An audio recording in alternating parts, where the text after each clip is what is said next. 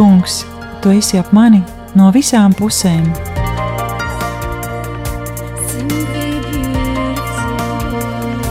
Neredzamā dieva attēls, raidījums par atgriešanos, piedošanu, dziedināšanu un kalpošanu.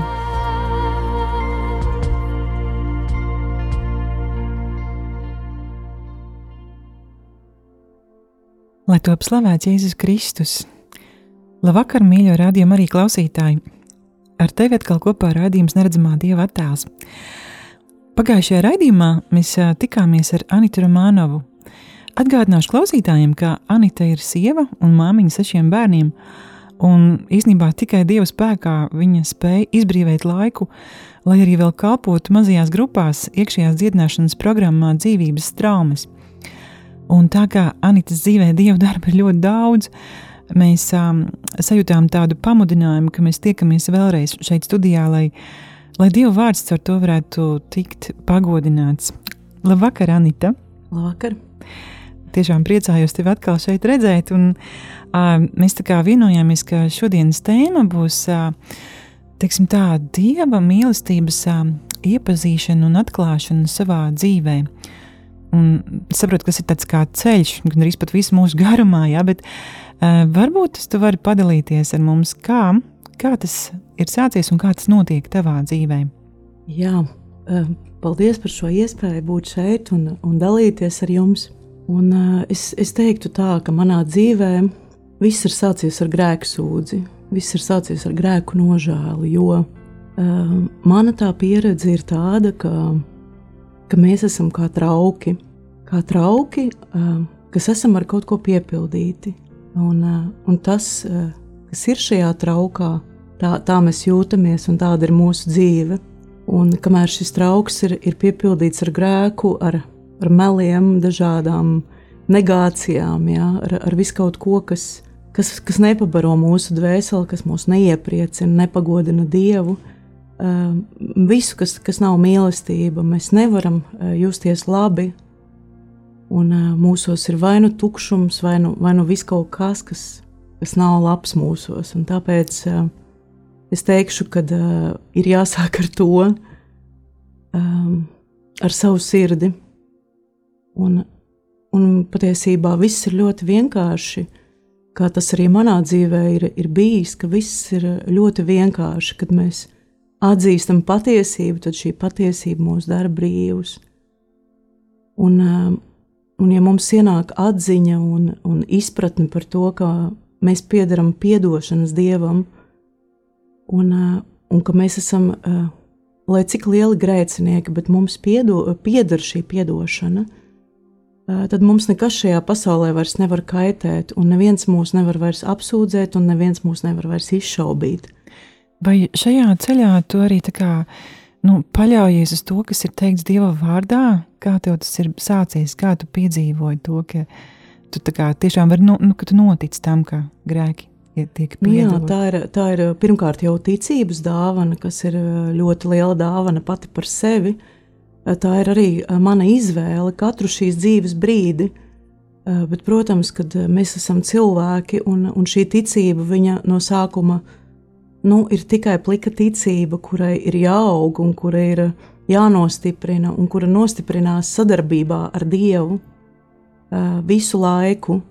Un jo vairāk es ļaujos šai Dieva mīlestībai, jo vairāk es viņu piedzīvoju, un jo es esmu patiesāka Dieva klātbūtnē, un eju pie viņa ar atvērtāku sirdi, jo, jo šī ticība vairāk aug manī, Un, eh, protams, ka tas ir ļoti liels dieva darbs, ko viņš ir veicis arī manā dzīvē, ka, ka šī ticība ir augusi. Un tas nav noticis vienā dienā, tas ir ceļš, un tās ir arī ļoti daudz ciešanas, un vajāšanas un uzbrukumi. Tas viss iet roku rokā. Um, un, um, jā, šī ticība aug arī no atbildētām lūkšanām, no personiskām attiecībām, sarunām ar Dievu Un, protams, ka viņa uh, ir augusi ļoti uh, lielā mērā uh, no dieva vārda, ka, kas, kas man ir pateikts, varbūt vajadzīgajā brīdī, vajadzīgajā laikā, kur es esmu sapratusi, ka tas tiešām ir dievs, kas uz mani runā. Un arī tie ir augļi. pēc kuriem es pazīstu, vai tas ir Dievs vai tas nav Dievs. Tātad pēc augļiem jums tos būs pazīt, ja, ja tas ir miers un prieks, un tas, tas nes labus augļus, tad tas vienmēr ir, ir Dievs, kas to dara un saka man. Bet uh, ir jāmācās atšķirt šīs balsis, un ir jāmācās atšķirt avots, no, no kura nāk šī informācija. Un tas ir ļoti, ļoti uh, svarīgi izšķirt arī, eh, kas ir autors eh, tam, kas manī ienāk. Vai tās ir manas domas, vai tas ir dieva vārds, vai tas ir kāda cilvēka teiktais, vai kāds notikums manā dzīvē. Tas viss ir jāizšķir, kas ir avots šim, šai informācijai, kas ienāk manī. Ja? Un, laikam šajā izšķiršanas procesā jau atkal ir ļoti nozīmīgi turēties arī pie Dieva vārda un tā, to, tā ko Viņš mums apsola, vai ne?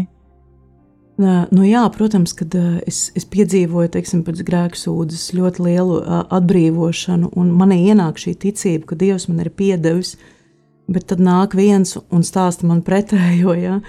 Un, un tā ir tāda cīņa, un tas ir darbs un sadarbība ar, ar Dievu un ar sevi arī. Respektīvi, nāk arī ļaunais, kurš mēģina tevi izšaubīt tajā, ka viņš mēģina te pateikt, ka nē, nē, tur taču tomēr īsti nav. Jā, protams, viņš vienmēr mēģinās apšaubīt to, ka man ir piedots. Vai viņš man mēģinās pateikt, ka Dievs man nav piedevis, nu nē, nē, kaut ko tādu jau nu viņš to nevarētu piedot. Jā. Mm, kas ir vistīrākās muļķības? Jā, bet tas ir diezgan spēcīgi. Tas nāk, un, un ja tev nav šie ieroči, kas ir piemēram grēksūdze un, un, un arī Dieva vārds, kas ir tiešām ieroči, kā palīdzība šajā, šajā dzīvē ar, ar Dievu attiecībās, tad, nu, diez, diezgan grūti tajā pastāvēt vienam pašam, pašam par sevi. Jā. Tas nozīmē, ka tu sāki praktizēt grēksūdzi jau uzreiz pēc atgriešanās, vai ne? Un tad, kad tu esi arī palikusi tajā sakramentā, kas, nu, tad, jā. jā, es uh, izjūtu lielu atvieglojumu, un tā ir ļoti liela uh, žēlastība, ka tas, uh, ka tas var notikt, kad man ir smagi, kad man ir grūti, kad es zinu, ka es esmu kritusi, jā.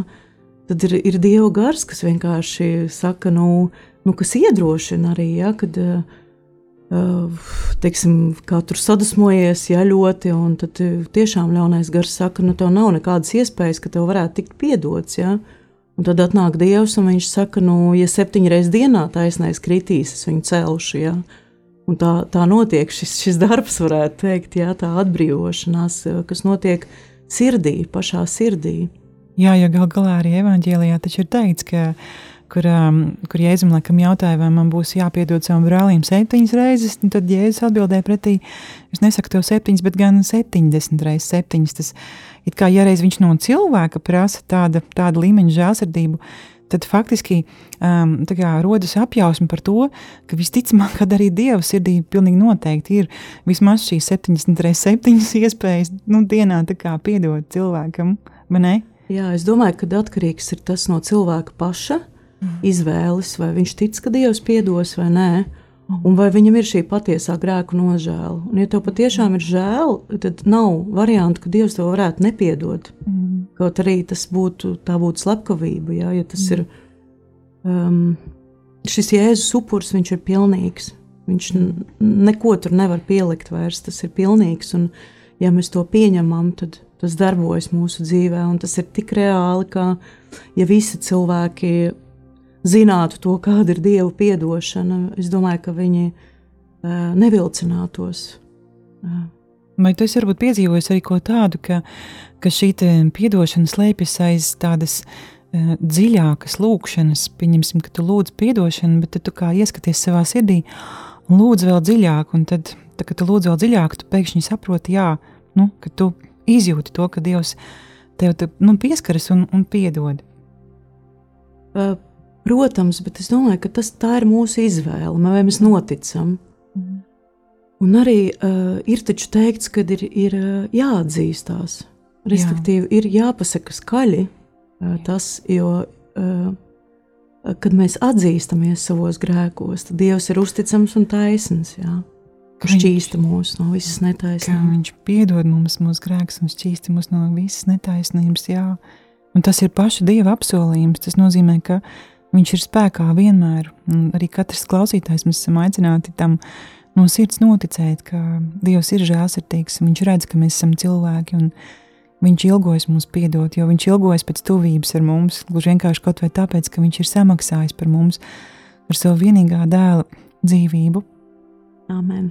Mm. Jā, nu tad iztukšojot sevi, es varu piepildīties ar kaut ko patiesi labu, jo es esmu nabaks, man nekā nav. Man patiešām nekā nav, un ja es to atzīstu Dievu priekšā, tad uh, tad Dievs nāk manī un Viņš man dod visu, kas vajadzīgs. Un, jā, un arī, ja man ir šī apziņa, ka viss, kas manī ir labs, visi mani talanti vai kaut kādi labie darbi vai, vai mīlestība, ko es spēju dot eh, citiem, eh, ka viņus man dod Dievs, tad manī arī atkrīt uh, šī lep, lepnības ies, iespējamība, ja, jo es patiešām zinu, ka tas ir Dievs, kas man to dāvā, ka tas man nepiedara un, kad, un ka tas nav no manis. Mm. Jā, es domāju, šajā brīdī mēs paklausīsimies kādu dziesmu.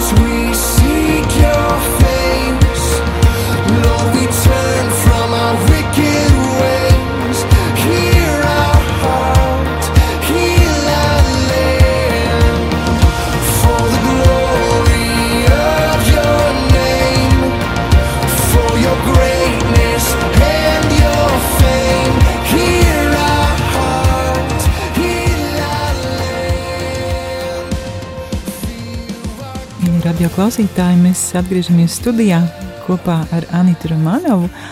Un šajā sadaļā mēs parunāsim par tādu tēmu kā elki un to, ko tas mēdz nodarīt mūsu dzīvē.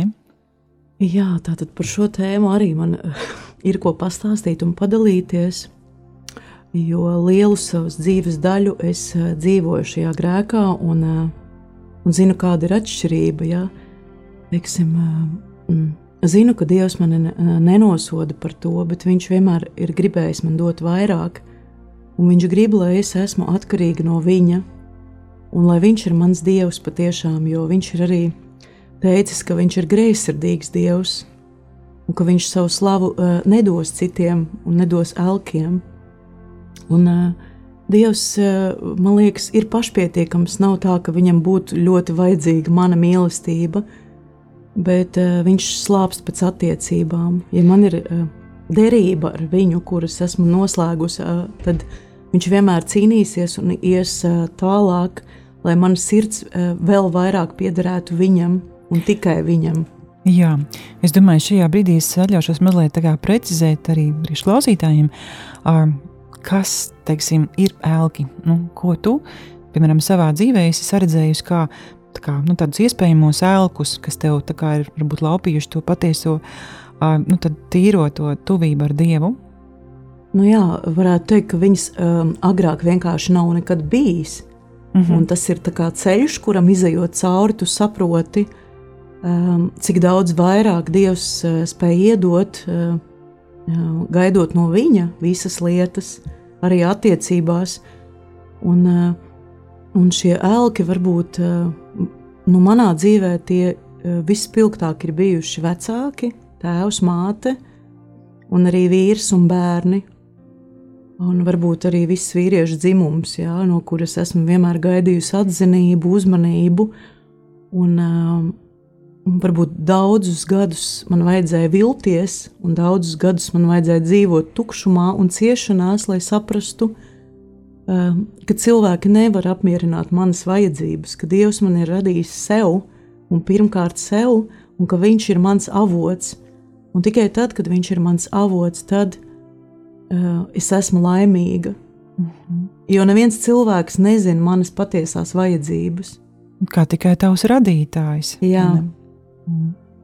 Bet, teiksim, kā, kā tas praksē ir līdz tam, kas agrāk izpaudās, ka tas nozīmē, ka tu piedzīvoji zināmas ciešanas, teiksim, attiecībās ar vecākiem vai nu, savā ģimenē. Nu, kā, kā tu vispār atpazini, ka, ka, ka šīs attiecības tev ir tādā kā no nu, elgdevības statusā, ka viņas tev nu, kā, ir traucējošas kaut kādā veidā? Tas jau bija vēlāk, kad es to atpazinu no sākuma. Es to nevaru nemaz apzināties, kamēr Dievs man to neatklāja. Eh, bet tas bija vairāk kā domāšanas veids, un tas man traucēja attiecībās ar debesu tēvu, jo es viņu uztvēru precīzi tā kā savu zemes tēvu, un it kā sagaidīju, um, ka viņš rīkosies tāpat kā mans zemes tēvs. Un, uh, un tā kā uh, manī bija ļoti liela šīs slāpes pēc mīlestības, es centos šo mīlestību izpelnīties, uh, izdabājot tēvam savās domās, pat ja Dievs no manis to negaidīja, es to uz viņu attiecināju. Mm -hmm. Un arī tas bija Dieva vārds, ar kuru man um, Dievs vairākas reizes man, man arī uh, lika to saprast, jā, kas arī bija tā kā dziedināšanas sastāvdaļa, ka, ka tu atstāsi, piemēram, savu tēva namu, uh, tad tu būsi man patīkama. Ja? Nu, Dievs pasaka tieši, viņš ne, neko neslēpj, ja? to, ko viņš sagaida no manas attiecībās. Mm -hmm. Jo es jau nemaz to neapzinos, ja? ka es uh, sagaidu, teiksim, ka, ka Dievs būs skops pret mani vai ka. Nu, es teiksim, visu sagaidu, kas, kas nav dziedināts manī, ja? attiecībās ar maniem vecākiem. Es to attiecināju uz, uz debesu tēvu, un tas ļoti uh, traucē šai mīlestībai plūst. Tas kā, īstenībā nu, varētu teikt, kā ierobežot Dievu, vismaz tavās pašas attiecībās ar viņu. Kā, nu, tīvu, tas, Pilnīgi noteikti. Kamēr es neiepazīstu, kāds viņš ir patiesībā, un kamēr mm. viņš man pats to neatklāja, mm. jā, un arī teiksim, attiecībās ar, ar vīriešiem vai, vai ar savu vīru, es, es ļoti daudzus gadus, vai praktiski vienmēr visu dzīvi, uh, nu, kāds ir avots, jā, filmas, jā, kā mēs kā mēs idealizējam, kādām jābūt mūsu attiecībām. Jā, vai, mm. bet, teiksim, mēs, mēs gaidām to mīlestību, mēs esam radīti mīlestībai, bet mēs nesaņemam šo mīlestību, jo, jo tas otrs cilvēks viņš, viņš nespēja apmierināt mūsu vajadzības. Ja? Tā ir viena vienīga vilšanās. Ja? Šis ir tas, tieši tā sadaļa, kas īstenībā man liekas, ir, varētu būt pazīstama gandrīz ikvienam tādam laulātam pārim. Jo man liekas, ka tagad cilvēki dodas laulībā, viņi nu, būsim godīgi, viņi tā vai citādi. Viņi cer, ka tu, tu mans mīļākais vīrs, vai nu, tu man mīļā sieva, nu, tu tagad būsi tā vai tas, kas mani patiešām darīs laimīgu līdz mūža galam. Un, un lai arī tās vēl, šī vēlme, protams, ir nu, ļoti dabiska un varbūt pat mm, savā ziņā ļoti saprotama, bet ja, domāju, cilvēcīga. Cilvēcīga, jā, jā. jo cilvēki, nu, viņi, nu, tā, tā viņi ir veidot, viņi tā kā, nu, viņi tā kā ekspektē, ka tas otrs cilvēks šo misiju paveiks viņa dzīvē, bet, nu, reāli jau mēs, es domāju, visi tie, kas, nu, tā teikt, esam laulībā, vai ne, nu, ka tie, nu, mēs saprotam, ka tas, diemžēl, nav reāli, agrāk vai vēlāk, tur šīs rozā brīlis krīt un šķīst, un, nu, vienkārši mēs nespējam vairs sagaidīt to, un tad sastopoties ar te vilšanās brīžiem, mums ir droši vien sirdī rodas daudz jautājumu, kā to ar viņiem tikt galā. Nu? Nu jā, es domāju, ka, ka tad, kad mēs esam mazi, kad mūsu tieksmes ir bērnišķīgas, bet Dievs mūs eh, ir aicinājis tajā lielajā mīlestībā, un, un ja mēs esam svētajā garā, mēs arī augam šajā mīlestībā un ļaujam Dievam atbrīvot mūsu šķīstīt, ja, mierināt un apmierināt mūsu vajadzības, tad tas, ka mēs gaidām no otra cilvēka to, Eh, kas mums ir vajadzīgs, tas atkrīt pats par sevi, ja mēs to saņa, sākam saņemt no Dieva. Bet tas faktiski nozīmē, ka tad tu veido ļoti dziļas attiecības ar Dievu, jo savādāk jau tas nemaz nevar notikt. Jā, starp cilvēkiem tādas vispār nav iespējams. Kādas ir attiecības ar Dievu manā dzīvē, jo tik intīmas, tik uzticēšanās pilnas, eh, viņas um, ir iespējams tikai un vienīgi ar Dievu. Bet atkal jau tāds jautājums, tu esi sieva un sešu bērnu māmiņa, nu tad jautājums ir tāds, kādā veidā un kur un kā tu atrodi šo laiku priekš Dieva? Nu jā, es domāju, ka katram tas ceļš ir individuāls un katram ir ļoti vērtīgi mācīties pazīt sevi un savas vajadzības un gaidīt un prasīt viņas no Dieva. Jo, jo tas paradoks ir tāds, ka mēs paši sevi nepazīstam, un tad gribam, lai tas otrs piepilda mūs, kur nu vēl vairāk, ja mēs paši sevi nepazīstam. Mm -hmm. Un tātad Dievs ir tas, kas atklāja man pašai manas vajadzības, un var teikt, pats arī to dāvā man, kas man vajadzīgs. Vai tu varbūt vari tā kā mazliet mēģināt ieskicēt kaut ko no šī, tā kā, ja tev tāds veidojas tāda asociācija? Nu, teiksim, tās ir, tā ir saruna ar Dievu, Tikko ir brīvs brīdis, tā ir klusā lūkšana. Ceļam, pa ceļam mašīnā, jo tie brīži nav, nav daudz, bet tikko ir brīvs brīdis, tiksim, kaut kas neveicās šodien, vai, vai kāds cilvēks ir bijis rupšs pret mani, ja, vai, vai kāds ir man apvainojis, sāpinājis. Es uzreiz eh, metos, metos pie dieva, un es viņam to stāstu, jo mana sirds vajadzība ir izstāstīt. Tiksim, ja es to darīšu attiecībās ar cilvēku, es viņam drīz vien apnikšu. Jā? Viņš nespēs manī klausīties. Jā, jo... Apmēram, hei, tu man nodarīji pāri tur tā un tā kā. Nē, nu, vienkārši ja es meklēšu pie cilvēka teiksim, to mierinājumu mm -hmm. vai mēģināšu kādam to Eh, to baigi izkratīt, to savu sirdi, ja, tas vienkārši novedīs tik un tā pie vilšanās, un tā ir šī algdievība, ja, kad es gaidu no cilvēkiem, lai viņi apmierina manas vajadzības, lai viņi mani mierina, lai viņi mani saprot, lai viņi mani pieņem. Ja. Tas, tas eh, nav, nav iespējams patiesībā. Ja, un, un, un eh, kā, kā es to atklāju savā dzīvē, tāpēc, kad es no Dieva saņemu tik daudz vairāk, ka man vienkārši automātiski atkrīt šī šī vēlme prasīt no cilvēkiem to, ko man var iedot tikai Dievs, un, un var iedot tik lieliskā, labā kvalitātē, eh, ka man eh, vienkārši pietiek ar to. Bet tā tas visticamāk tev nav bijis no paša sākuma tavā dzīvē, vai ne? Ka tu, tas ir tāds ceļš, nu, tu tā kā nonāci pamazām pie tā, vai ne? Veidojot tādu. Man bija ļoti liels tukšums daudz Jā. gadu garumā, un, Jā. un eh, pirmo reizi manā dzīvē es vispār prieku, patiesu prieku piedzīvoju 30 gadu vecumā, ja? Uh, Es nezināju, ko nozīmē prieks, un, un šis debesu prieks ir tik, tik daudz pārāks ja, par to prieku, ko piedāvā šī pasaule. Ja, kad, ka vienkārši tas kontrasts ir tik liels, ka, eh, nu, jā, varētu teikt, pats Dievs to izveidoja. Ja, un pats Dievs to dāvā, ja es to pieņemu un es esmu gatava atteikties no šīs pasaules priekiem, Tas ir kā šampanietis, viņš ir brīnišķīgs, viņš ir garšīgs, viņš ir labs. Ja? Bet, ja es iepazīstu šo debesu prieku, tad kas man ir šis zemes prieks salīdzinājumā ar to, ko Dievs man var dāvāt uh, ikdienā un, un viņa klātbūtnē? Ja? Jā, es domāju, tagad mēs paklausīsimies kādu dziesmu, kura libera izpildījumā.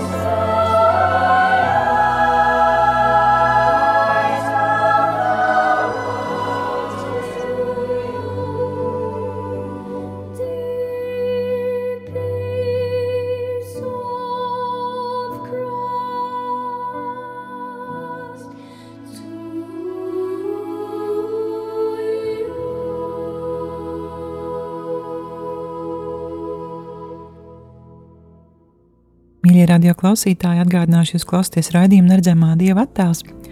Un ar mums kopā studijā ir Anita Romanova. Un šajā sadaļā mēs arī mazliet pieskarsimies ciešanu tēmai. Tā kā šobrīd mēs dzīvojam lielajā nedēļā, klusajā nedēļā, tad šī tēma, es domāju, mums varētu būt aktuāla. Jā, es gribētu pieminēt arī ciešanas kā, kā iespēju augt un un kā teiksim, attiecību ar Dievu sastāvdaļu, jo cilvēki bieži vien nespēja uzticēties Dievam, tāpēc ka viņu dzīvē ir ciešanas. Un, un es domāju, varbūt es varētu padalīties ar to, kāpēc man ir šīs ciešanas, kā, kā man Dievs ir mācījis um, izpratni par šīm ciešanām. Ja? Uh, kad uh, ciešanām arī Dievs var piešķirt atpestījošu vērtību, Un kad ir dzīvē tādi periodi arī, e, kad nav vienmēr tas lidojums un nav dieva klātbūtne, kad ir tumšā nakts, un kad ir varbūt viens periods, viens pusgads, kad e, tu vispār nejūti dieva klātbūtni un vispār neko nejūti. Ja? Bet es gribu teikt, ka e, arī šajos mirkļos ja, ir, ir uh, Dievs cieši man blakus, un, uh, un kad es šo, šo periodu arī varu izdzīvot ticībā, ja es pirms tam esmu piedzīvojis, ka Viņš mani uh, neatstāja, ka Viņš uh, ir apsolījis man savā vārdā, ka Viņš ikdienas būs ar mani līdz pasaules galam, ka tad, kad es piedzīvoju šīs grūtības, uh, es, es vienkārši um, uzticos Dievam, Un, un bija kāda reize, kad Dievs arī man stiprināja un mācīja to, kad Viņš teica, uh, jebšu to arī staigā tumšā ielā, taču ļaunuma nebīsties, jo es esmu pie tevis. Tad jebkas, kas ar tevi notiek, es neesmu tev apsolījis, ka tev nebūs ciešana un sāpju šajā dzīvē, bet es esmu spējīgs tevi mierināt. Un arī tas miers, kas nāk uh, tajos pārbaudījuma brīžos, ka viņš arī nav tik mazsvarīgs, un ka viņš arī ir kā, žēlastības sastāvdaļa patiešām. Un, ja visi cilvēki varētu pieņemt, ka ciešanām ir atpestījoša vērtība, un ka ciešot mēs varbūt izglābjam kādas dvēseles, jā, vai, vai tad, kad grēks ir pārņēmis, ciešanas ir vienīgais līdzeklis, kā cilvēks var tikt izglābts, jā, arī fiziskas ciešanas, tad neviens cilvēks šajā pasaulē neizdarītu eitanāziju, ja viņiem būtu izpratne par to, ka ka arī ciešanas ir Dieva žēlastība, ja? un ka Dievs ir vienmēr ar mums tuvu, tuvu kopā, un ka Viņš nes šo krustu kopā ar mums. Vai arī atziņa, ka teiksim, mūsu ticība arī vienmēr tiks pārbaudīta, ka nebūs tā, ka vienmēr būs šī Dieva klātbūtne un lidojums, ja? ka tas ir jāpieņem kā, kā ticības dzīves sastāvdaļa. Kā... Jā, un es vēlējos tev pajautāt tādu lietu, ka kā varbūt tās to atklāja, jo taisnība sakot, um, ja cilvēki vien to aptvērtu, cik liela vērtība ir mūsu ciešanām un kā viņas var pārvērst, kā, nu, nu īstenībā tā kā dāvanā Dievam, ka tādā upurī, kā, nu, kā, kā, un piešķirt viņam tādu līdzatpestējošu, tādu žēlstību, nu, vērtību, es domāju, um, šiem cilvēkiem būtu daudzkārt, uh, nu, vieglāk īstenībā dzīvot, uh, Bet viņiem tad ir jāaptver, nu, viņiem ir jāaptver, kā, nu, kā tad īsti rīkoties, tad, kad, tad, kad, nu, tad, kad cilvēks piedzīvo ciešanas. Nu, dabiskā reakcija ir nu, maksimāli drīz no viņiem tikt vaļā, tur aizbēgt, iziet, tur varbūt paķert kaut ko tādu, kas sniedz īslaicīgu mierinājumu vai kā, bet uh, nu, tiksim, tas droši vien atkal nozīmē, nu, kā, atkal, atkal meklēt Dievu, viņam atzīties, stāstīt viņam, ka man sāp, es ciešu, un tad uzticēt viņam, Vai kā, kā tu to dari? Jā, tā ir, tā ir izvēle. Tā ir izvēle, ja es esmu noslēdzis derību attiecībās ar mīlestības dievu. Es zinu, ka es piedaru mīlestības dievam, un es pieņemu visu, kas nāk manā ceļā. Ja tas ir prieks, es pateicos. Ja tās ir grūtības, nabadzība, ciešanas, tā kā Pāvilam bija, proti, būt nabaks un dzīvot pilnībā, es visu pieņemu Dieva godam nesaprotot līdz brīdim, kamēr Dievs man to paskaidros. Jā. Uzticoties Dievam, eh, es spēju izdzīvot arī ciešanas, un, eh, un ja es eh, vēl apzināti viņas upurēju Dievam, tad viņas pavisam noteikti tiek pārvērstas un pienāk kaut kāds brīdis, kad, kad viņas nolīst kā mierinājums manā dzīvē. Kā tas bija, piemēram, arī um, ar bērniņiem, kas, kas vienmēr tur, tur nebija tā, tā gludi, jā, un ir arī jā, šie, šie dzimtas grēki, kaut kādas izvēles, kas nāk mums līdzi. Un, un jā, es gaidīju bērniņu, gaidīju bērniņu, un man notika spontānais aborts. Un es biju ļoti apjukusi, un manī bija bēdas, un es nezināju, nezināju kā man to pieņemt, kā man to izdzīvot, es jutos vainīga. Un uh, tajā brīdī Dievs man mācīja ļoti, ļoti svarīgas lietas, ka Dievam pieder viss, un ka Viņš ir piedošanas Dievs, un, uh, un ka Viņš arī uh, māca caur ciešanām kaut, kādas, kaut kādu izpratni manī veido par lietām. Ja? Un tad, kad es aizgāju uz grēksūdzi, es izsūdzēju šo, šo vainas apziņu. Ja? Un, un nesapratni, nu, kāpēc, kāpēc Dievs, jo vienmēr ir šis kārdinājums arī vainot Dievu, tad, kad notiek sliktas lietas. Jā, un es, es tādā pašā vakarā saņēmu atbildi, ja, kad, uh, ja manu dāvanu negrib, kā mēs zinām, bērni ir, ir Dieva dāvana, ja? tad šo dāvanu paņem projām. Mm. Ja? Un, un Dievs ir arī uh, žēlsirdīgs Dievs tādā ziņā, ka Viņš arī mūs pārmāca, Viņš mums māca lietas, kuras mums negribas pieņemt. Uh, mums vienmēr gribētos, lai būtu tikai labais, bet Dievs ir arī stingrs Dievs. Viņš arī māca mums lietas, kas mūs uh, um, audzē, ja teiksim tā. Uh, Un, un tad, kad ir šī sadarbība ar Dievu, arī tad, kad ir grūti, ja, ja es palieku sadarbībā ar Dievu un attiecībās ar viņu, viņš man nekad neatstās. Viņš man nekad neatstās bez atbildes, neziņā, ilgstoši. Eh, pēc, pēc gada eh, viņš mums iedeva divus, dviņus, vietā vienkārši. Jā. Ja?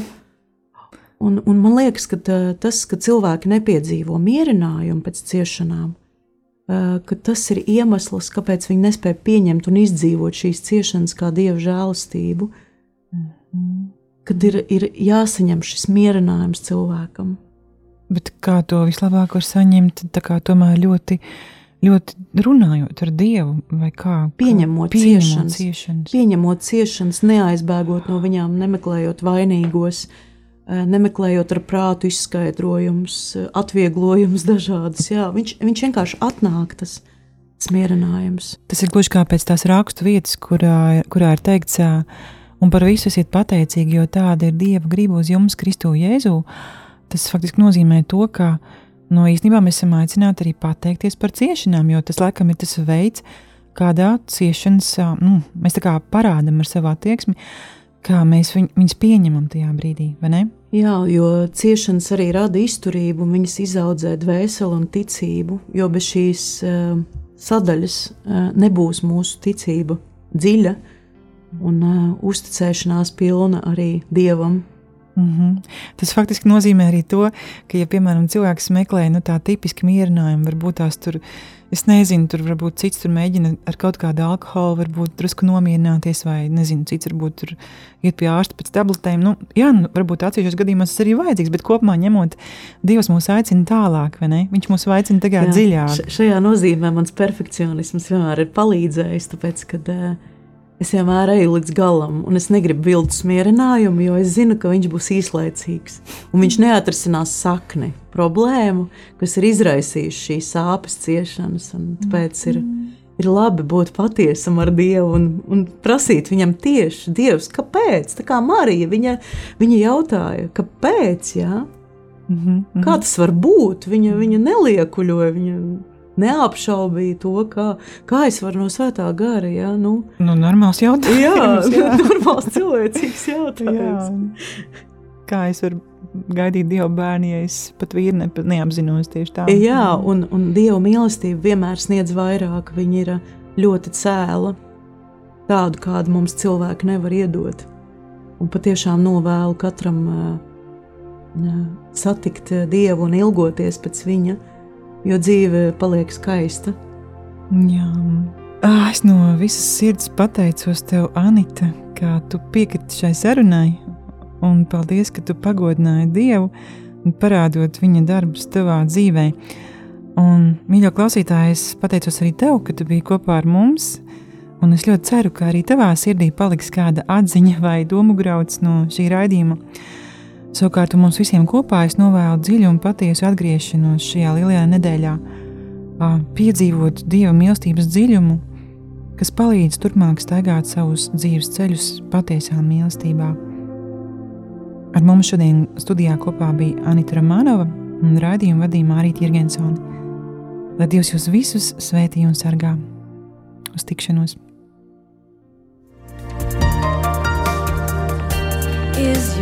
Kungs, tu esi ap mani no visām pusēm.